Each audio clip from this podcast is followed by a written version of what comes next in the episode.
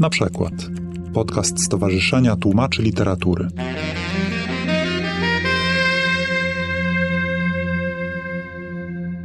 Ryszard Turczyn. Jest tłumaczem literatury niemieckiej i niderlandzkiej. Przetłumaczył, nie wiem jak dużo, ale tak ze 100 książek prawdopodobnie. I, i dużo więcej. No? Ilość się no, Ilość się liczy, ale jakość się liczy, a jakościowo są to naprawdę wybitne nazwiska, jeśli by przyjrzeć się tylko nazwiskom autorów i autorek tychże powieści ale tłumaczy również dziedzinę humanistyki bardzo szeroko pojętą oraz uczestniczył w tworzeniu słowników, słowników synonimów i ortograficzno-fleksyjnego słownika. Jest laureatem Nagrody ZAX-u, jest laureatem Nagrody Dedecjusza, jest honorowym członkiem Stowarzyszenia Tłumaczy Literatury i dostał również 4 lata temu medal Gloria Artis z rąk e, ministra kultury.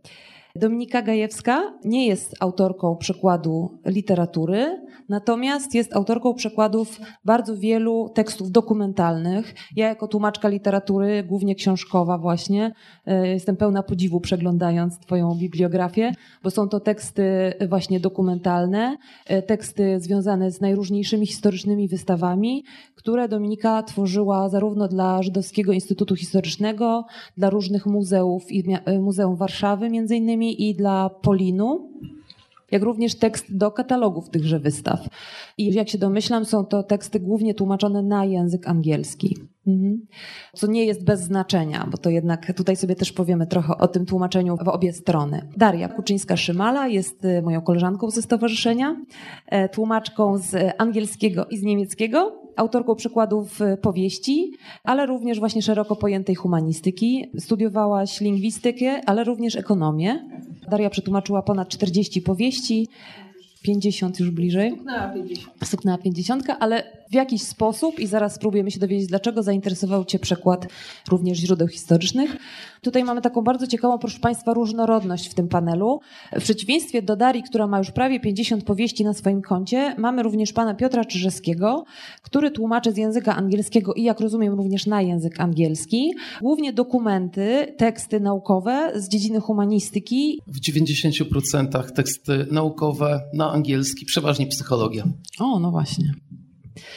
A ja się nazywam Justyna Czechowska i jestem tłumaczką ze szwedzkiego. Przekładam głównie powieści, chociaż zdarzyło mi się przełożyć w zeszłym roku książkę reportażową, która w dużej mierze składała się z dokumentów. To była opowieść o trójce śmiałków, którzy pod koniec XIX wieku wyruszyli na biegun północny balonem. I w tej książce znajduje się bardzo dużo dokumentów, starych, zwietrzałych dzienników, które trzeba było, właściwie to nawet zwietrzałych, czyli nie dzienników, tylko fragmentów dzienników, które trzeba było przełożyć. I to było moje zmaganie się z takim tekstem, ale pamiętam też wiele lat temu, kiedy obchodziliśmy 25-lecie Solidarności, ośrodek Karta poprosił mnie o przetłumaczenie sporej y, liczby tekstów ze szwedzkiego, takich właśnie publicystycznych, dokumentów, listów i publicystycznych tekstów o tym, co Szwecja wówczas pisała na temat Polski, głównie w gazetach i czasopismach.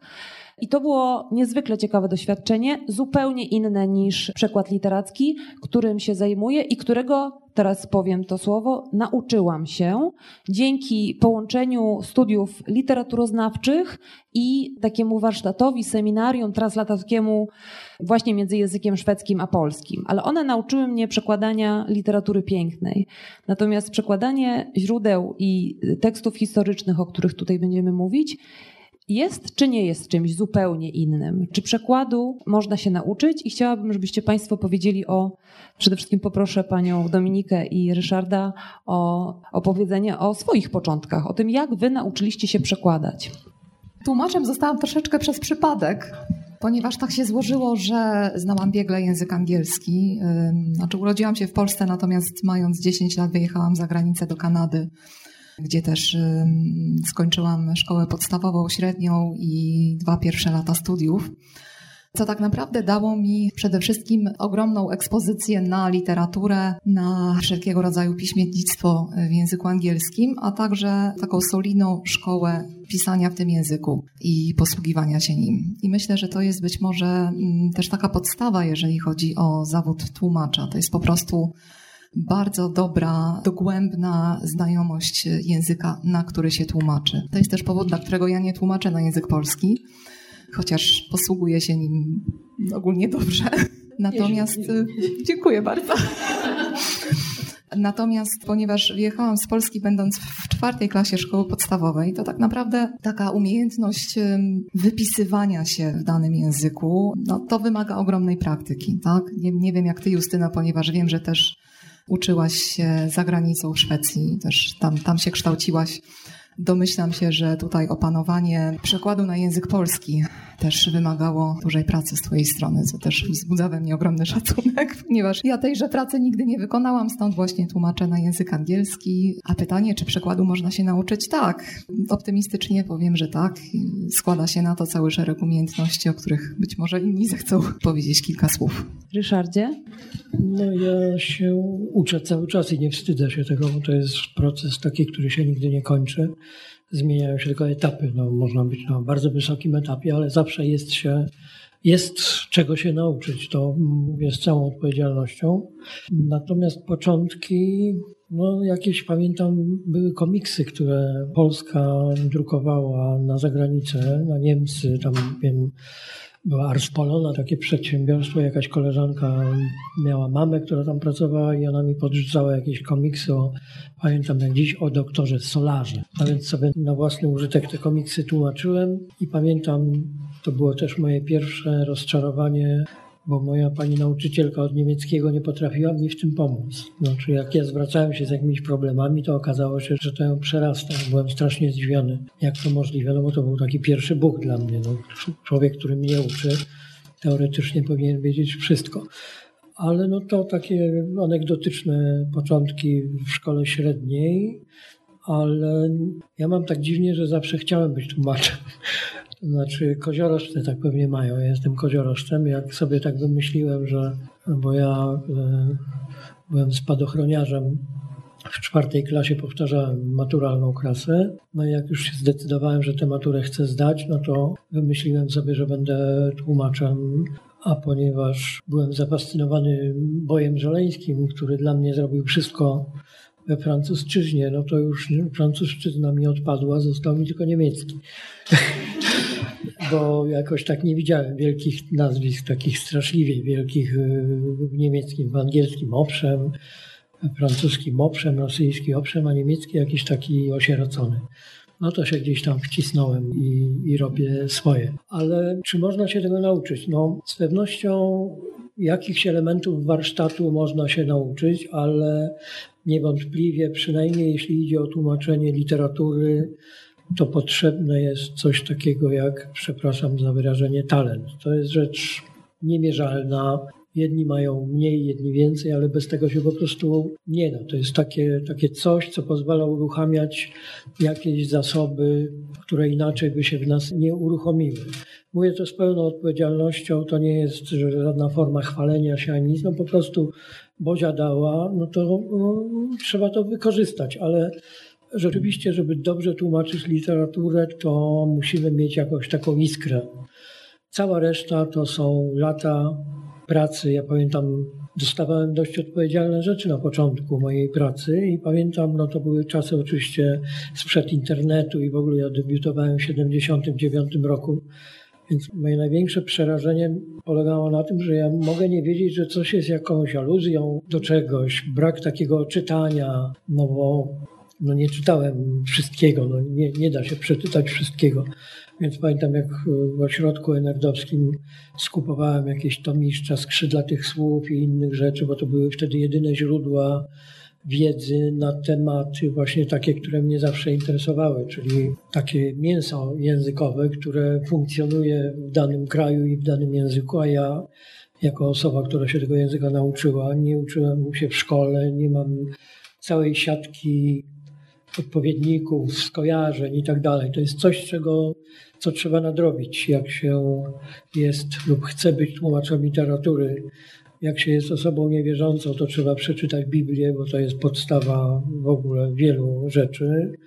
Więc jestem przekonany, że znam Biblię lepiej niż każdy polski katolik. Nie interesując się operą, trzeba się interesować operą. Nie interesując się teatrem, trzeba się interesować teatrem. Znaczy ja przynajmniej tak do tego podchodzę, że ta wielość zainteresowań zawsze w którymś momencie zaowocuje i jest niesłychanie pomocna w przebijaniu się przez te różne rafy, które dzisiaj są oczywiście no, nieporównanie łatwiejsze do przebrnięcia. Dzięki internetowi naprawdę jesteśmy w ogóle w innej pozycji jako, jako tłumacze. Pamiętam, jakie to było dla mnie objawienie właśnie. I pamiętam, jak jeszcze miałem modem taki, nie wiem, taki telefoniczny i jak mi się półtorej minuty ładował obrazek, który chciałem koniecznie obejrzeć, bo miałem opis do tego obrazka i okazało się, że już jest strona muzeum i ten obrazek jest. I pamiętam do dziś, jak on mi się tak pokazywał na ekranie od góry, aż wreszcie się pokazał cały. Także super naprawdę sprawa, że uczestniczyłem od początku w pojawieniu się jakiejś zupełnie nowej rzeczywistości, zwłaszcza dla nas, dla, dla tłumaczy. Pierwsza rzecz to był komputer, który, na którym mogłem pisać i poprawiać, a nie mozolnie wycierać na czterech kopiach maszynopisu, bo ja najpierw pisałem ręcznie, mam jeszcze, nie wiem, jakąś taką górę zeszytów B6 chyba, bo bardzo je lubiłem. Także dzieci z dworca zoo powstawały ręcznie. No ja przepisywałem je mozolnie i później dawałem takiej pani w Ministerstwie Pracy, która mi to przepisywała na maszynie. To był mój pierwszy etap. Potem była maszyna jakaś taka przenośna, którą miałem i właśnie moje szczęście polega na tym i też doradzam tłumaczom, żeby się nauczyli pisać bezwzrokowo. Ja, ponieważ nie dostałem się na germanistykę na pierwszy, za pierwszym razem, to żeby nie pójść do wojska, poszedłem do szkoły dla sekretarek, bo to była jedyna taka bez egzaminu. No i tam się nauczyłem pisać bezwzrokowo na maszynie, dziesięcioma palcami. Także dzisiaj zmuszony jestem kupować sobie układy, moje, mój układ maszyniński PN87, ponieważ u mnie OE jest w innym miejscu niż spod alta. No oczywiście można spod alta, ale jak już się nauczyłem, no to trzymam się tego, co mam uwewnętrznione. To w takim razie, jak Państwo, i tutaj zapytam Darię i Pana Piotra, jak myślicie, co jeszcze jest potrzebne, żeby właśnie sięgnąć do tego źródła, do którego Wy zdecydowaliście się latem sięgnąć? To znaczy, zdecydowaliście się przejść na, na jeszcze inny etap tłumaczenia, to znaczy na tłumaczenie tekstów źródłowych, co przecież Dario jest zupełnie inne niż tłumaczenie literatury i prawdopodobnie różni się od tego, co Pan dotychczas robił. Jeśli mogę, to ja się odezwę. Zacznę od takiego przysłowia, kto z kim przestaje, taki się staje. Ja po wypowiedzi Ryszarda nie mam nic do dodania. To są moje właśnie przemyślenia, które przygotowałam do powiedzenia tutaj, czyli to, to jest palec, bo ja tylko tak y, y, podsumuję, to jest palec Boży i to się ma w sobie. I to człowiek czuje, po prostu lubi to robić, y, jest gotów to robić za pół darmo i tak dalej, kocha literaturę i tak dalej. Zgadzam się również z tym, że mm, nasza praca jest dzisiaj o wiele łatwiejsza dzięki tym wszystkim udogodnieniom. Ja kiedyś tłumacząc historyczne teksty y, jeździłam do Biblioteki Narodowej po mikrofilmy i tam sobie z nich skrupulatnie przepisywałam, a dzisiaj takie rzeczy są w bibliotekach cyfrowych. Klikam, otworzony dokument, wszystko mam pod ręką. Chciałam się jeszcze podzielić taką e, refleksją, o czym też mój przedmówca szanowny już mówił. E, zbieranie doświadczeń, wszelakich doświadczeń. To jest podróżowanie, to jest czytanie właściwie wszystkiego. Robienie rzeczy, których nie znamy. Mnie na przykład pójście na strzelnicę pomogło zarówno w tłumaczeniu kryminałów, jak w tłumaczeniu tekstów teraz tych wojennych. Wystarczy pójść raz czy dwa i to już, już widzicie to inaczej, taką rzecz. Także ja polecam wszelkie różnego rodzaju doświadczenia. Jeszcze tak dodam, bo pytałaś wcześniej, e, dlaczego się zdecydowałam. Ja tłumaczę sporo z niemieckiego i w literaturze niemieckiej taka powieść historyczna to jest bardzo mocny gatunek. On jest bardzo popularny. W ogóle wątki historyczne tam się często e, pojawiają, także z różnych obszarów, nawet geograficznych, natomiast ta historia często wraca, także dla mnie to też była ciekawa rzecz zobaczysz to z tej strony. I z Tobą również się zgadzam. Uważam, że tłumaczenie literackie, a tłumaczenie tekstów źródłowych jest zupełnie innym rodzajem tłumaczenia. Ale to już może oddam głos Piotrowi. Uświadomiła mi pani prezes, że mam trochę rzeczy nieaktualnych na stronie internetowej, e, która jest jeszcze z czasów bliższych tym początkom pracy w zawodzie tłumacza. Ja może nie jestem typowym tłumaczem, jeśli chodzi o początki, bo w czasie studiów filologicznych w ogóle po głowie mi to nie chodziło, prawie w ogóle. Nie mieliśmy też na studiach zajęć w tym kierunku, więc dopiero jakiś czas po studiach zająłem się tłumaczeniami. Być może jestem jakoś tym naznaczony w tym sensie, że do tłumaczeń na pewno zachęca ciekawość świata, ale też to działa w drugą stronę. To znaczy, nie tylko my się uczymy przekładu, ale przekład uczy nas. Jeśli bierzemy się za teksty z różnych dziedzin, to jesteśmy zmuszani do tego, żeby te dziedziny poznawać. Oczywiście, żeby się w ogóle zabrać do tłumaczenia, dobrze jest mieć orientację w przedmiocie, którego rzecz dotyczy, ale nie sposób mieć orientacji we wszystkim i w związku z tym bardzo często jest okazja do podrążenia ciekawych szczegółów, do podrążenia węższych i szerszych wycinków różnych zagadnień. Jest to niesamowicie ciekawe. Czy da się nauczyć e, przekładu i jak to zrobić? Oczywiście się da. Pośrednio dowodem na to są popularne teraz studia podyplomowe, różnego rodzaju kursy w tym kierunku. I to, co jest charakterystyczne, również tutaj na historii w przekładzie było charakterystyczne, połączenie kompetencji językowych z takim założeniem, że dobrze jest zanurzyć się w dziedzinie. Myślę, że jeśli ta, tak się podchodzi do sprawy, to jest to dobre podejście. Podzielę się jeszcze taką refleksją, przynajmniej takie też było moje doświadczenie, może dlatego właśnie, że dopiero po studiach zacząłem tłumaczenia, że w jakimś zakresie zawsze uczenie się przekładu jest oduczaniem się czegoś. Oduczaniem się i w języku ojczystym, i w języku docelowym, obcym, pewnych przyzwyczajeń, pewnych nawyków, różnych. Może chodzić o dobór słów, może chodzić o jakieś e, frazy, które lubimy bardziej niż inne, a które nie zawsze się sprawdzają. Więc zawsze jest to nie tylko learning, ale też e, unlearning. Mhm. Dlatego też warto się konfrontować e, z wyborami tłumaczeniowymi innych, tak jak mieliśmy okazję to robić nie tylko na samym kursie, ale również po kursie w ramach grupy facebookowej żeby móc omówić e, sobie pewne rzeczy związane z tłumaczeniem źródeł. To może powiedzmy bardziej dokładnie, bo tutaj są też osoby, które mało wiedzą na temat tego, co robiliście, więc może opowiedzmy, poproszę kogoś z Was, o tym, jak ta szkoła de facto wyglądało i co się działo po lipcu do dnia dzisiejszego.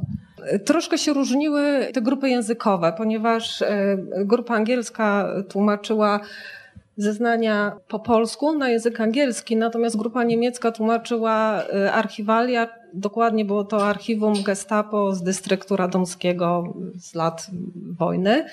Więc troszkę tak, tak jakby inaczej, tu na język obcy, tu jest na język polski. Moja działka to były meldunki Policji Bezpieczeństwa, które były dość narracyjne, więc mnie to odpowiadało, bo to były raporty, co bandyci, czyli partyzanci zdziałali jako, jako sabotaż, jako walka partyzancka i tak dalej, co się tam działo, kontyngenty.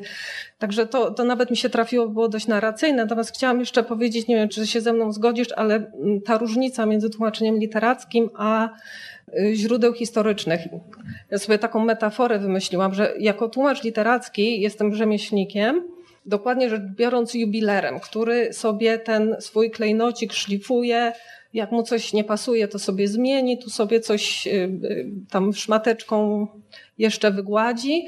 I ja obracam sobie tymi słowami i tak troszkę sobie w, w swojej głowie to robię. Natomiast praca z tekstem źródłowym to jest praca z e, kontekstem, który jest osadzony w realiach. I to jest bardziej jak e, poszukiwacz złota, który tym sitem tam miesza, miesza, miesza i szuka tej grudki, szuka i musi znaleźć dokładnie tą grudkę. Tylko to słowo tu będzie pasowało, żadne inne. Jakby nie ma wyboru. Ja się troszkę męczę z takimi tekstami historycznymi, ponieważ nie mam takiej swobody jak w tekstach literackich. Także uważam, że to jest, dla mnie to było bardzo ciekawe doświadczenie, ale to jest zupełnie inny rodzaj tłumaczeń. Ktoś zechce opowiedzieć, jak wyglądała y, ta wasza szkoła? Kurs y, trwał pięć dni. Jeśli chodzi o same zajęcia, z tego jeden dzień y, był poświęcony na wycieczkę po Warszawie i okolicach. Odwiedziliśmy kilka miejsc. Byliśmy w Palmirach, na Alei Szucha, były to miejsca, które mm, oczywiście nie, nie mm, pozwolą same w sobie takie mm, wycieczki ogarnąć całości zagadnienia, ale na pewno zaciekawią, na pewno dadzą pewien posmak tych realiów, w których tłumaczone teksty y, były zanurzone.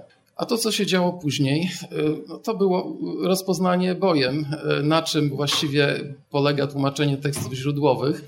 Bo to nie jest tak, że y, kurs ten czy jakikolwiek y, da gotowe recepty, na których można sobie potem y, jechać do emerytury.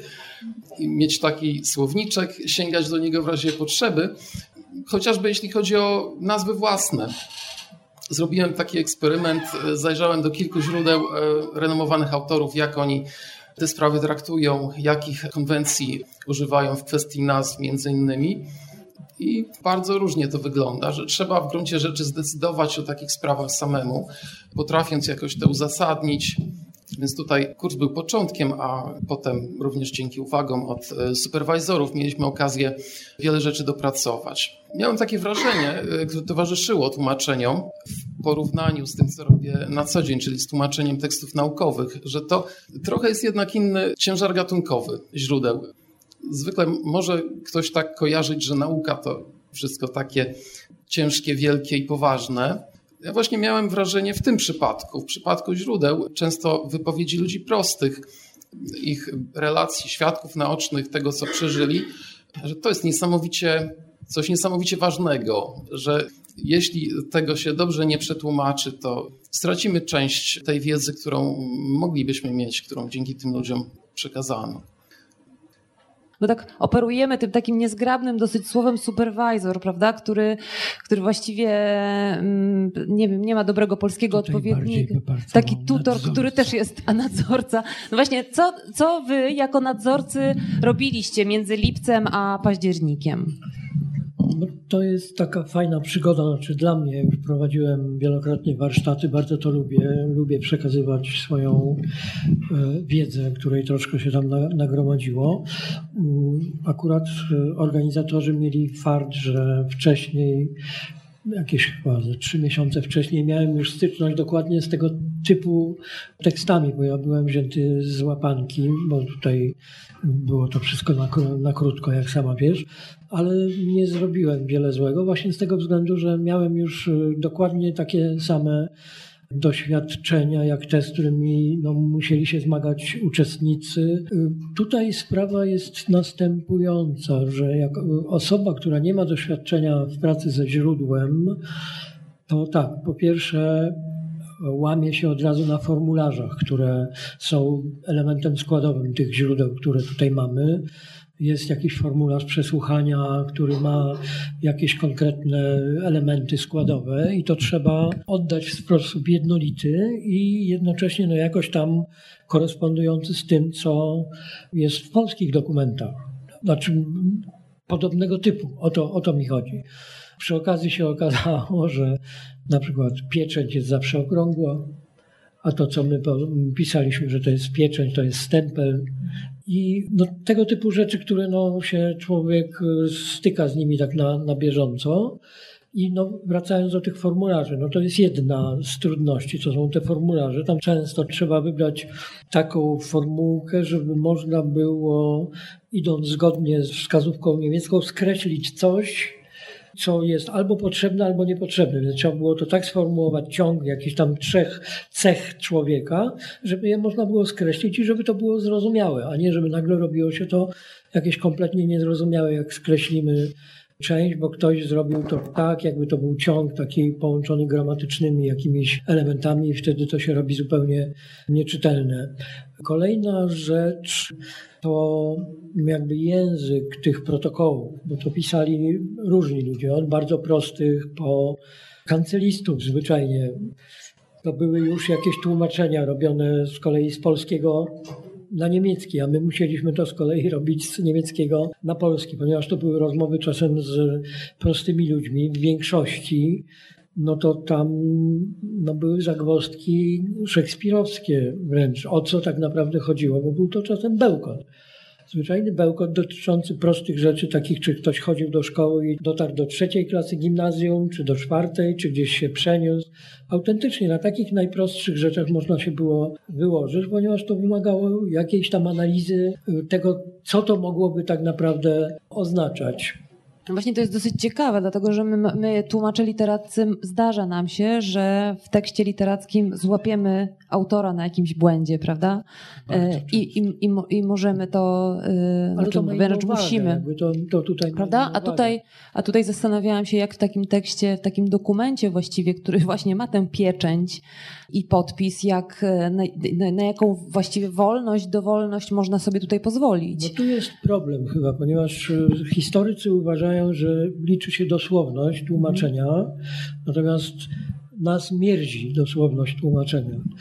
To absolutnie nie. Znaczy ja, mnie się wydaje, że jednak nasze podejście jest bardziej właściwe. Nasze, czyli tłumacz literacki. literackich, ale jednocześnie powinniśmy zostać poddani jakiejś dyscyplinie charakterystycznej dla historyków. Także to jest jakaś inna dziedzina.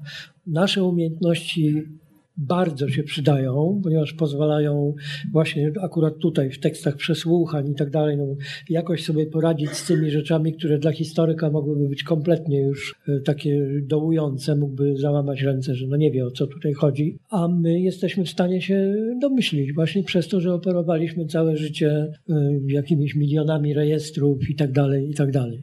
Dominika, a ty masz podobne doświadczenie, skoro nie tłumaczysz literatury, ale głównie właśnie dokumenty i takie teksty naukowe źródłowe. Właśnie chodzi mi o, te, o wyłapywanie tych błędów i trudność y, przekładania prostego języka. Myślę, że tak jak już tutaj powiedzieliśmy sobie, bardzo ważna jest e, znajomość e, tych różnych kontekstów, posiadanie takiej ogólnej wiedzy, ale też wiedzy specjalistycznej, która jednak pozwala nam przeczytać tekst źródłowy ze zrozumieniem i też wyłapać ewentualne błędy, które oczywiście jeżeli mówimy o tłumaczeniu źródła, musimy pozostawić na kartce, tak? Możemy dać przepis tłumacza, y, w którym, y, nie wiem, prostujemy jakieś słowo, które ewidentnie na przykład no, nazwa się nie zgadza, tak? Wiadomo, że ta osoba miała to na myśli, ale użyła innego słowa, tak? Więc... Albo protokolant po prostu źle Pro, zapisał, Albo protokolant tak? źle zapisał, tak, tak. Natomiast nie mogę tutaj, y, że tak powiem, przecenić znajomości realiów historycznych, bo to jednak moim zdaniem robi tą różnicę między takim tłumaczeniem tłumaczeniem powiedzmy płaskim, a tłumaczeniem troszeczkę głębszym, gdzie jednak mamy pewną wiedzę na temat tego, jak te realia historyczne wyglądały i nawet takie wypowiedzi bardzo, bardzo skrótowe, bardzo pobieżne, jesteśmy w stanie określić dokładnie, do czego to się odnosi, tak? Na przykład, y, to już teraz nie chcę, broń Boże, nikogo tutaj zatapiać, ale przychodzi mi na myśl taki na przykład błąd. W którymś z tekstów pojawiło się nazwisko przewodniczącego warszawskiego Judenratu, Adama Czerniakowa. I ktoś po prostu uznał, że Czerniaków to jest dzielnica Warszawy. Natomiast no wiadomo, że jeżeli mamy tutaj zeznanie dotyczące y, getta warszawskiego i ewidentnie Czerniaków to nie jest dzielnica, tylko osoba, to musimy gdzieś mieć to nazwisko zakodowane, tak? I faktycznie te teksty są pisane, czy też e, właściwie są to zeznania, tak, protokołowane, zeznawały bardzo różne osoby. Od e, osób bardzo wykształconych, które posługują się językiem, że tak powiem, z górnej półki, po osoby, które właściwie nawet e, zdarzają się osoby niepiśmienne. I teraz też pytanie, czy na siłę będę starała się oddać język na przykład bardzo prostej kobiety gdzieś z Kielecczyzny, która po prostu mówi w ten sposób. Czy będę się siliła na to, żeby ten tekst angielski, czy też w przypadku szkoły letniej, czy będę wprowadzała takie poprawki do tego tekstu, żeby to brzmiało, jakby to mówiła prosta kobieta. Moim zdaniem nie musimy iść aż tak daleko. Oczywiście, jeżeli mamy taką, taką fantazję i chcemy, chcemy aż tak dopasować się do źródła, to owszem. Natomiast myślę, że tutaj wartością też e, celem tłumaczenia tych zeznań jest tak naprawdę pokazanie światu prawdy historycznej o tym, co działo się w Polsce podczas II wojny światowej. Więc takim y, głównym zadaniem jest po prostu trzymanie się źródła w miarę blisko na takim y, poziomie, że tak powiem, przekazu informacji. I żeby jeszcze wyczuć te po prostu tak szkicowo czasami zarysowane informacje, które odnoszą się do konkretnych rzeczy, a nie do innych. Powiedz jeszcze proszę, na czym polegała Wasza współpraca właśnie? Tak? Każdy uczestnik tłumaczył inne teksty. Są to teksty, które docelowo będą umieszczone, zamieszczone na portalu Zapisy Terroru. Więc w każdym przypadku te teksty były inne, natomiast y, pochodziły e, na przykład z tego samego, z tego samego regionu, czy też dotyczyły pewnej wybranej grupy zagadnień. I pan Piotr wysyłał ci fragment tekstu, a ty porównywałaś to z oryginałam pan, pan i co dalej? wysyłał mi Swoje tłumaczenia, y, ja je czytałam y, tak naprawdę wyrywkowo, ponieważ to był bardzo duży, duży materiał, więc po prostu brałam sobie część zeznań, porównywałam, porównywałam z oryginałem, żeby upewnić się, tak naprawdę, żeby sprawdzić, na, na, ile, na ile też nasi uczestnicy szanują to źródło i nie chodzi mi tutaj o szacunek y, w postaci jakiejś czci, ale czasami naprawdę trzeba wczytać się w szczegóły, żeby to dobrze przełożyć. Tak uważam, że to jest taki, taki pierwszy punkt, który powinien spełniać każdy tłumacz. Przeczytać tekst źródłowy ze zrozumieniem i potem postarać się oddać to w języku docelowym, a następnie dopiero cyzelowanie i tak dalej.